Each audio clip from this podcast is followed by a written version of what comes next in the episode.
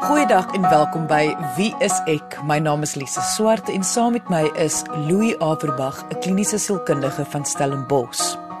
Ervaar jy of ken jy iemand wat gereeld padwoede ervaar? In Engels genoem road rage. Wanneer jy bo menslik kwaad word vir ander bestuurders op die pad of voel jy dalk skuldig oor 'n situasie, selfs al weet jy dit was nie jou skuld nie. Twee baie uiteenlopende onderwerpe wat ons vandag hier op Wees ek gaan bespreek.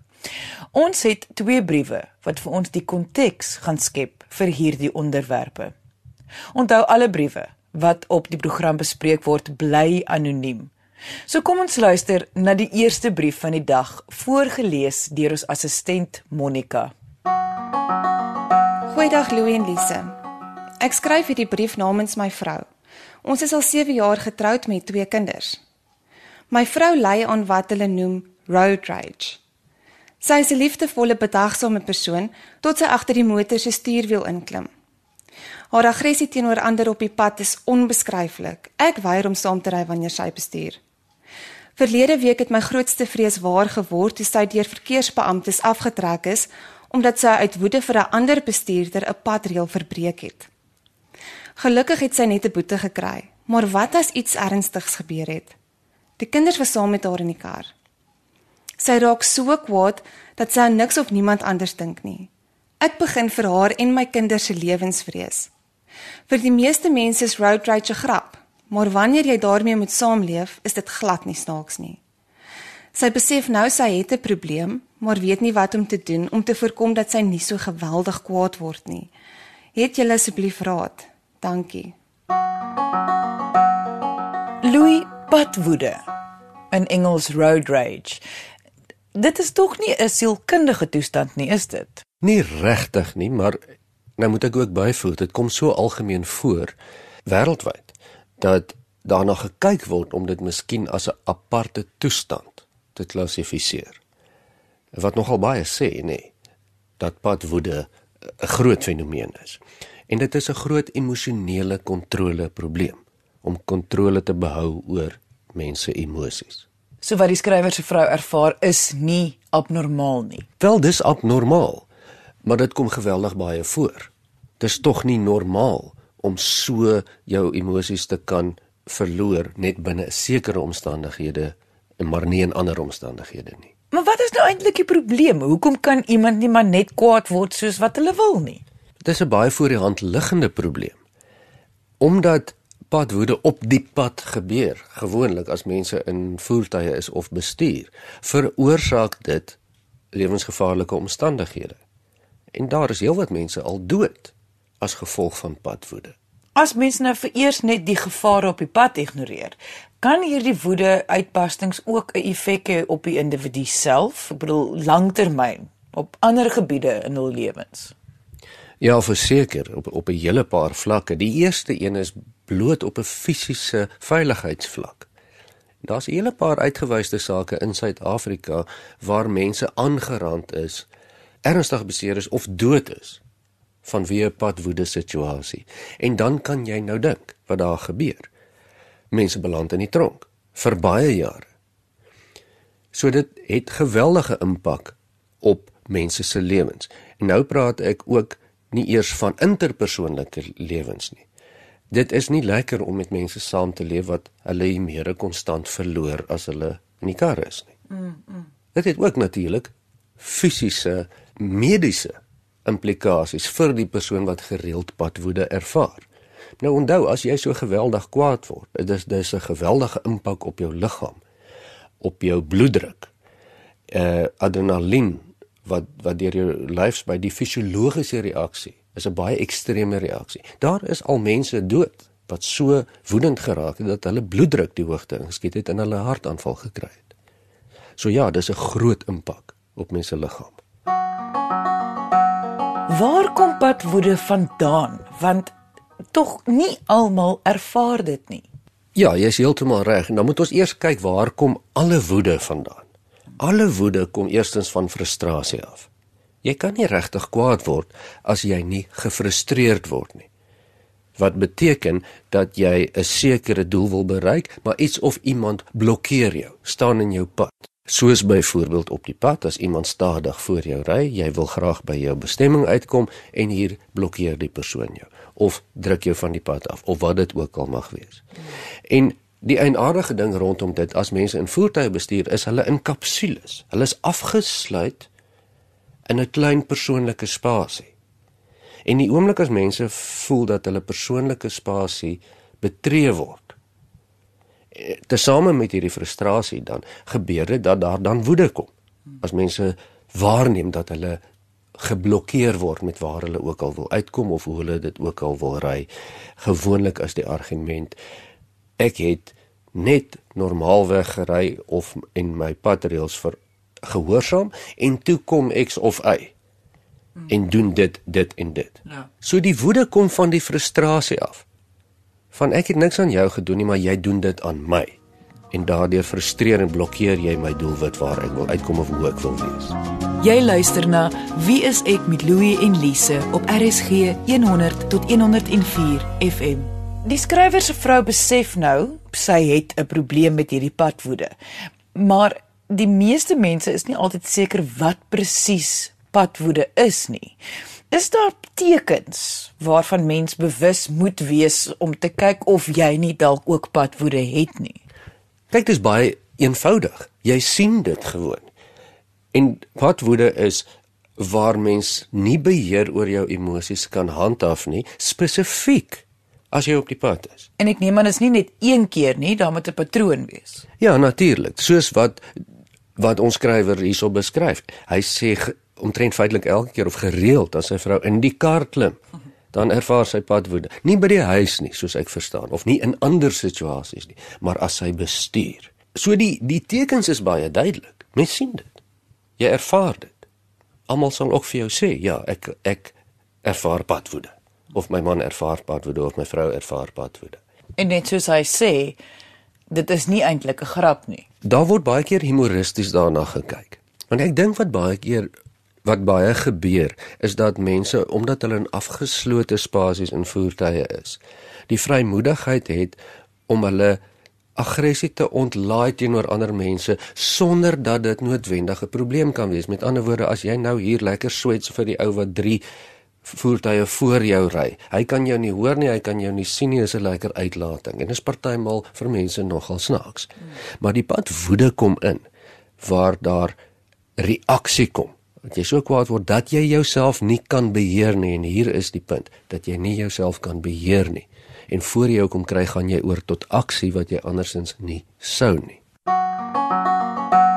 So waar kan sy begin om te werk aan hierdie padwoede van haar? Um, is dit iets wat sy self kan uitsorteer of moet 'n mens professionele hulp kry?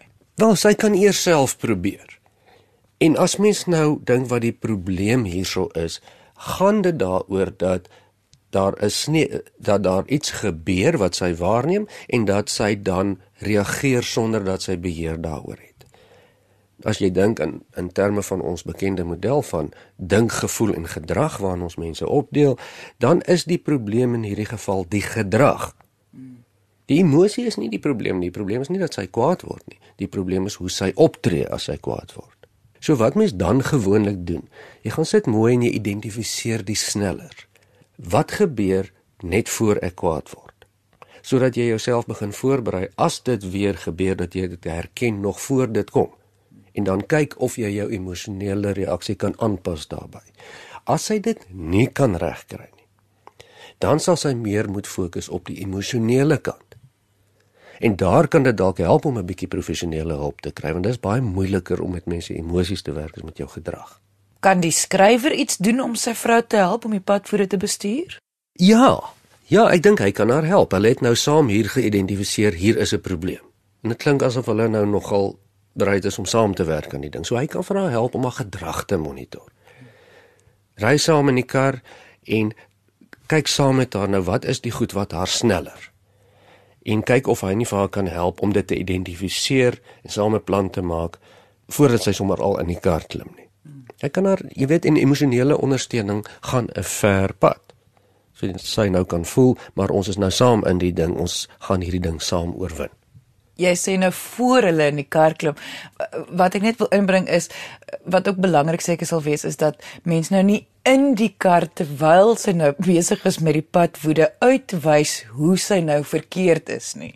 Ja, dis beter om die planne voor die tyd te maak. Hoe gaan ons maak as ons nou in die kar klim? Wat gaan jy doen? Hoe gaan ons dit identifiseer en so voort? So Louis, wat sal jou antwoord vir hierdie skrywer wees? Dit klink of jy en jou vrou op 'n goeie punt is. Sy het heeltemal raak gesien hier is 'n probleem. Sy kan nie so aangaan nie. So ek sou voorstel dat jy begin deur te kyk na alles wat haar gedrag sneller dit wat dit kan laat afgaan voor die tyd identifiseer en dan oefen om te bestuur sonder die reaksie op die sneller. As jy dit nie reg kry nie, professionele hulp sou ek aanbeveel om te help met die emosies. Ons wil ook net ons luisteraars herinner dat alle briewe wat ek en Louie ontvang bly privaat. Net ons sien die briewe en dat wanneer ons briewe bespreek op wie is ek, maak ons seker die skrywer weet eers daarvan en dat ons ook nie alle briewe wat ons ontvang op wie is ek bespreek nie. Ons gesels vandag oor twee briewe wat ek en Louie ontvang het.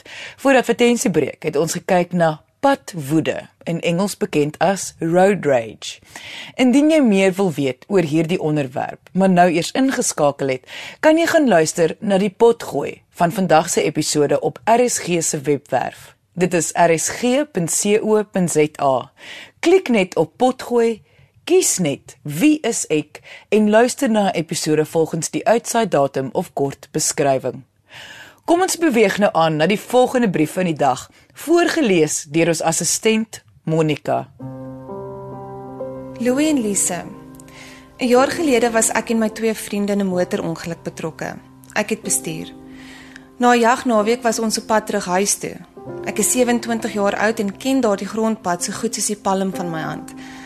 Daardie aand het 'n band gebars en ek kon nie beheer van die kar behou nie. Ons het 'n hele paar meter gerol. Ek weet nie hoe lank ek my bewussyn verloor het nie, maar ek het bygekom terwyl my een vriend besig was om my die kar te trek. Ons ander vriend is op slag dood. Omdat ons op 'n grondpad in die middel van nêrens was, was daar geen selfoonopvangs nie. My been was gebreek, so my vriend het gestap om hulp te gaan soek. Ek het vir ure in die donker nag langs die kar met die liggaam van een van my beste vriende ingelê. Ek was nog nooit so alleen nie.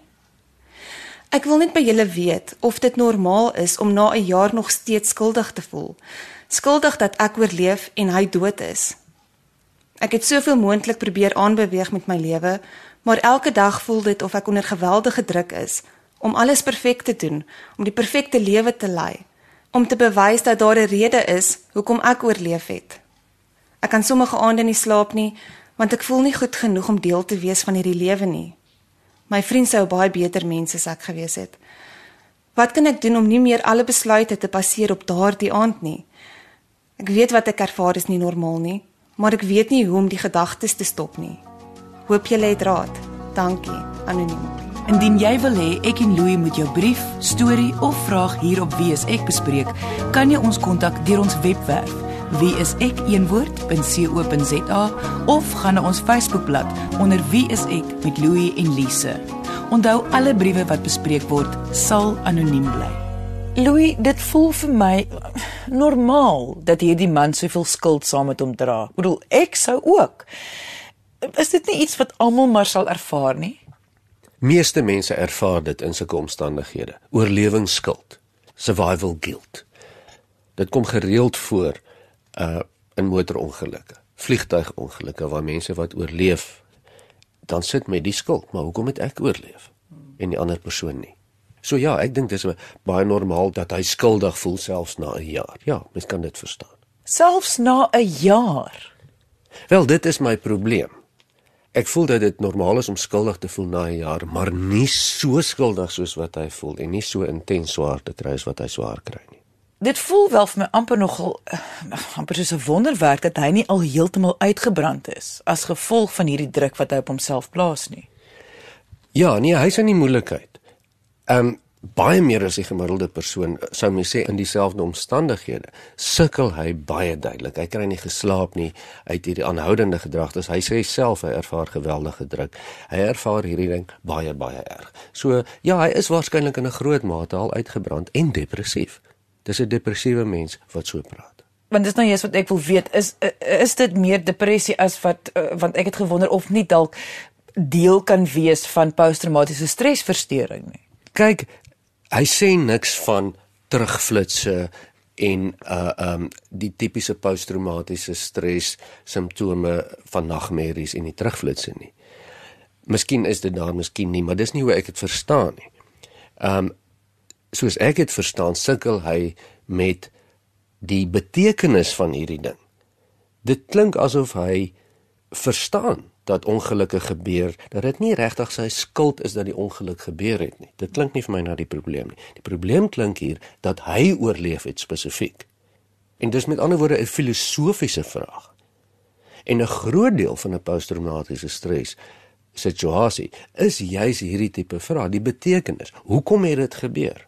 Wat as ek dit anders gedoen het? Hoekom is hy oorlede en nie ek nie? Die hierdie hele gebeurtenis maak vir hom geen sin nie wat dan baie duidelik vir hom 'n trauma is wat afkomstig is van hierdie gebeurtenisse jaar terug. So ek dink ons het wel hier te doen met 'n groot deel van posttraumatiese stres, maar nie soos in die klassieke sin van die woord nie. Hierdie is 'n ding wat na 'n jaar diep ingeburger is en vir hom 'n filosofiese, ernstige lewensvraag veroorsaak het en die man is baie duidelik in 'n baie diep depressie. Nou dis wat ek nog wil weet, hoe, hoe wat lees jy dat daar is depressie? Depressie is iets wat mens vasvang in die hede waar jy nie die toekoms kan sien nie. Hierdie ou is vasgevang in die verlede en in die hede. En dis en dit wat hy vir ons noem, hy kan nie slaap nie. Sy gedagtes maal. Uh, hy sien nie sin in die lewe nie. Hy weet nie om hierdie te hanteer nie. Dit is iemand wat se dis iemand wie se emosies onder geweldige aanslag is. Hy sê dit self. So sonder om dit om om sy situasie in 'n kategorietjie te probeer plaas. Kan ons net sê hy kry geweldig swaar op 'n emosionele vlak as gevolg van wat in die verlede gebeur het en dit maak dit amper vir hom in die hede onmoontlik om te funksioneer. Wat nog te sê van die toekoms wat hy glad nie sien nie. Ek wil nou nie uit my beerd praat nie, maar dit is tog hy self wat hierdie druk op homself sit. Uh, klink nie vir my iemand anders doen dit nie. So hoekom hou hy nie net eenvoudig op om hierdie druk op homself te plaas nie? Ja, kyk, selfs al het ander mense hom blameer hiervoor wat ek nie die idee kry dat iemand dit doen nie. Sou die druk nog steeds van homself gekom het. Alle druk wat ons ervaar kom van onsself af. Dit kom nie van buite af nie. Weereens Die vrees wat ons ervaar is nie vir die leeu wat om die hoek geloop kom nie. Dit is as gevolg van die interpretasie wat ons het oor die leeu wat om die hoek kom. En as mens weer kyk na die driehoek van gedrag, denke en emosies, kan ons sien dat ons briefskrywer op alle vlakke in groot moeilikheid is. Sy emosies is geweldig laag. Sy gedagtes maal hy op dieselfde punt. Hy het amper 'n uh, obsessiewe manier om konstant oor hierdie ding te dink al in die ronde sonder om 'n antwoord te kry nê nee. en sy gedrag is in so 'n mate aangetast dat dit vir my klink asof hy nie regtig baie goed funksioneer nie ek kry nie die idee hy leef suksesvol nie so hy's hy's hy's regtig diep in die moeilikheid en dan uh, gaan dit vir hom baie baie moeilik wees om die onderskeid te maak dat hy self hierdie druk vir homself veroorsaak Jy luister na Wie is ek met Louie en Lise op RSG 100 tot 104 FM. Hoekom het hy nie al 'n professionele persoon hieroor gaan sien nie? Dit voel vir my mens moenie so lank wag nie. Veral nie na 'n ernstige motorongeluk soos hierdie nie. Jy weet mense moenie so lank wag om vir hulp te vra nie. Ja, ek stem saam en dis weer eens maklik om van buite af te praat. Maar nou moet ons besef dat hy waarskynlik nie dink dat dit vir hom sal help nie omdat sy probleem filosofies is.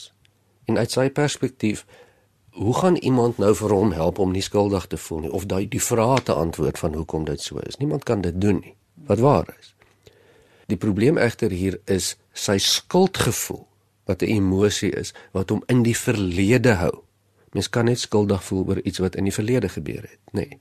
Jy kan nie skuldig voel oor die toekoms nie. Hy is dus totaal verlede gerig. En dit is waar iemand professioneel hom kan help om hom uit die verlede uit te kry, as te ware. Maar jy stem saam dat in, indien mense in sulke ernstige ongelukke is, is dit altyd 'n goeie idee om dalk net by 'n professionele persoon uit te vind dat alles is oukei. Okay.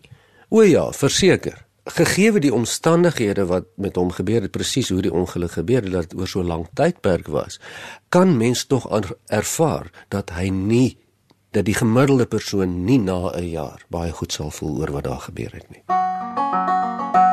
So sal hy dan hierdie gevoel van skuld kan omswaai in iets meer positief as hy nou hulp sou kry. Hoopelik, ja. Hy behoort te kan of ten minste weg van die fokus van die verlede af kan kry. Al wat hy het op die stadium is die hede en wat hy in die toekoms gaan doen. Maar sy hele fokus en gedagtes is in die verlede. Is daar enige iets wat hy wel self kan doen om nou die meeste druk van homself af te haal? Ek is nie seker daaroor nie omdat dit vir my klink asof hy regtig nogal in die moeilikheid is.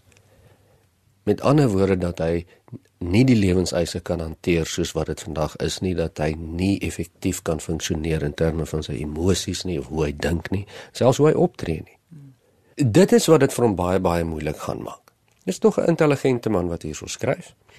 Ek glo ook dat hy ondersteuning rondom hom het en almal sal vir hom sê jy hoef nie skuldig te voel nie. Dis 'n ongeluk, ongelukke gebeur ensovoorts ensovoorts. Ek glo hy het dit al vir homself ook probeer sê. Dit werk nie. Hy dus nou die vermoë verloor om homself uit te sleep uit sy emosionele moeras uit. En ek dink mens sou regverdig teenoor hom wees om te sê nee, hy kry dit nie meer reg nie. En moet dan nie verder probeer om dit alleen reg te kry nie want jy gaan dit dan nou nog net swaarder kry. Ek neem aan dit sal dan ook jou antwoord wees vir hom is om so gou as moontlik dan hulp te kry. Ja, as ek hy was, sou ek alles in die stryd werp om 'n professionele persoon te gaan sien. Veral in hierdie geval dit gaan duidelik baie sleg met jou. Die kans dat jy self hier uit gaan kom is redelik skraal. So dit is waar ek al my hulpbronne sou fokus op professionele hulp om jou uit die depressie te kry en jou toekomsgerig te kry. Ons is aan die einde van die episode, maar voor ons afsluit wil ek net iets duidelik maak. Daar is daagliks mense in Suid-Afrika wat betrokke is in een of ander soort motorongeluk. Is ek reg as ek wil voorstel dat dit altyd 'n goeie idee is om net seker te maak jy is op 'n emosionele vlak ook okay na die ongeluk want dit gaan nie net oor die fisieke nie. Ja, dit is 'n baie goeie beginsel en dit is wêreldwyd. Word dit veral in eerste wêreldlande maar so toegepas. As jy in 'n motorongeluk was of in 'n lewensgevaarlike situasie was, Met ander woorde 'n traumatiese situasie was waar jou fisiese veiligheid of integriteit bedreig is. Is daar 'n risiko om posttraumatiese stres te ontwikkel? En baie mense ontwikkel dit of emosionele swaar kry as gevolg van hierdie ding. Dis nie te sê dit sal gebeur nie, maar soos in ons briefskrywer se geval gegee die omstandighede is dit amper gewaarborg. En Al dink mens miskien aan die emosionele deel as 'n sagter kant. As jy daarom nou nie jou been gebreek het of jou arm gebreek het nie. Dis eintlik ook maar fisies. Want dit wat met jou gebeur is dat jou liggaam in 'n skokreaksie kan ingaan en vir jou daarin hou vir etlike maande selfs jare. Dis dis nie net 'n luukse emosionele proses nie. En hoe vroeër mens daarna kyk, net soos jy na 'n beenbreek of 'n moontlike gekraakte rib sou kyk, hoe makliker maak jy dit vir jouself in die toekoms. Indien jy enige vrae het oor vandag se episode of enige van die twee onderwerpe, kan jy ons kontak deur ons webwerf. Dit is wieisek.co.za of deur ons Facebookblad onder wieisek met Louie en Lise. Dankie dat jy vandag ingeskakel het. Ons maak weer so volgende Vrydag 12:30 net hier op RSG. Jy moet 'n heerlike naweek hê en onthou, kyk mooi na jouself.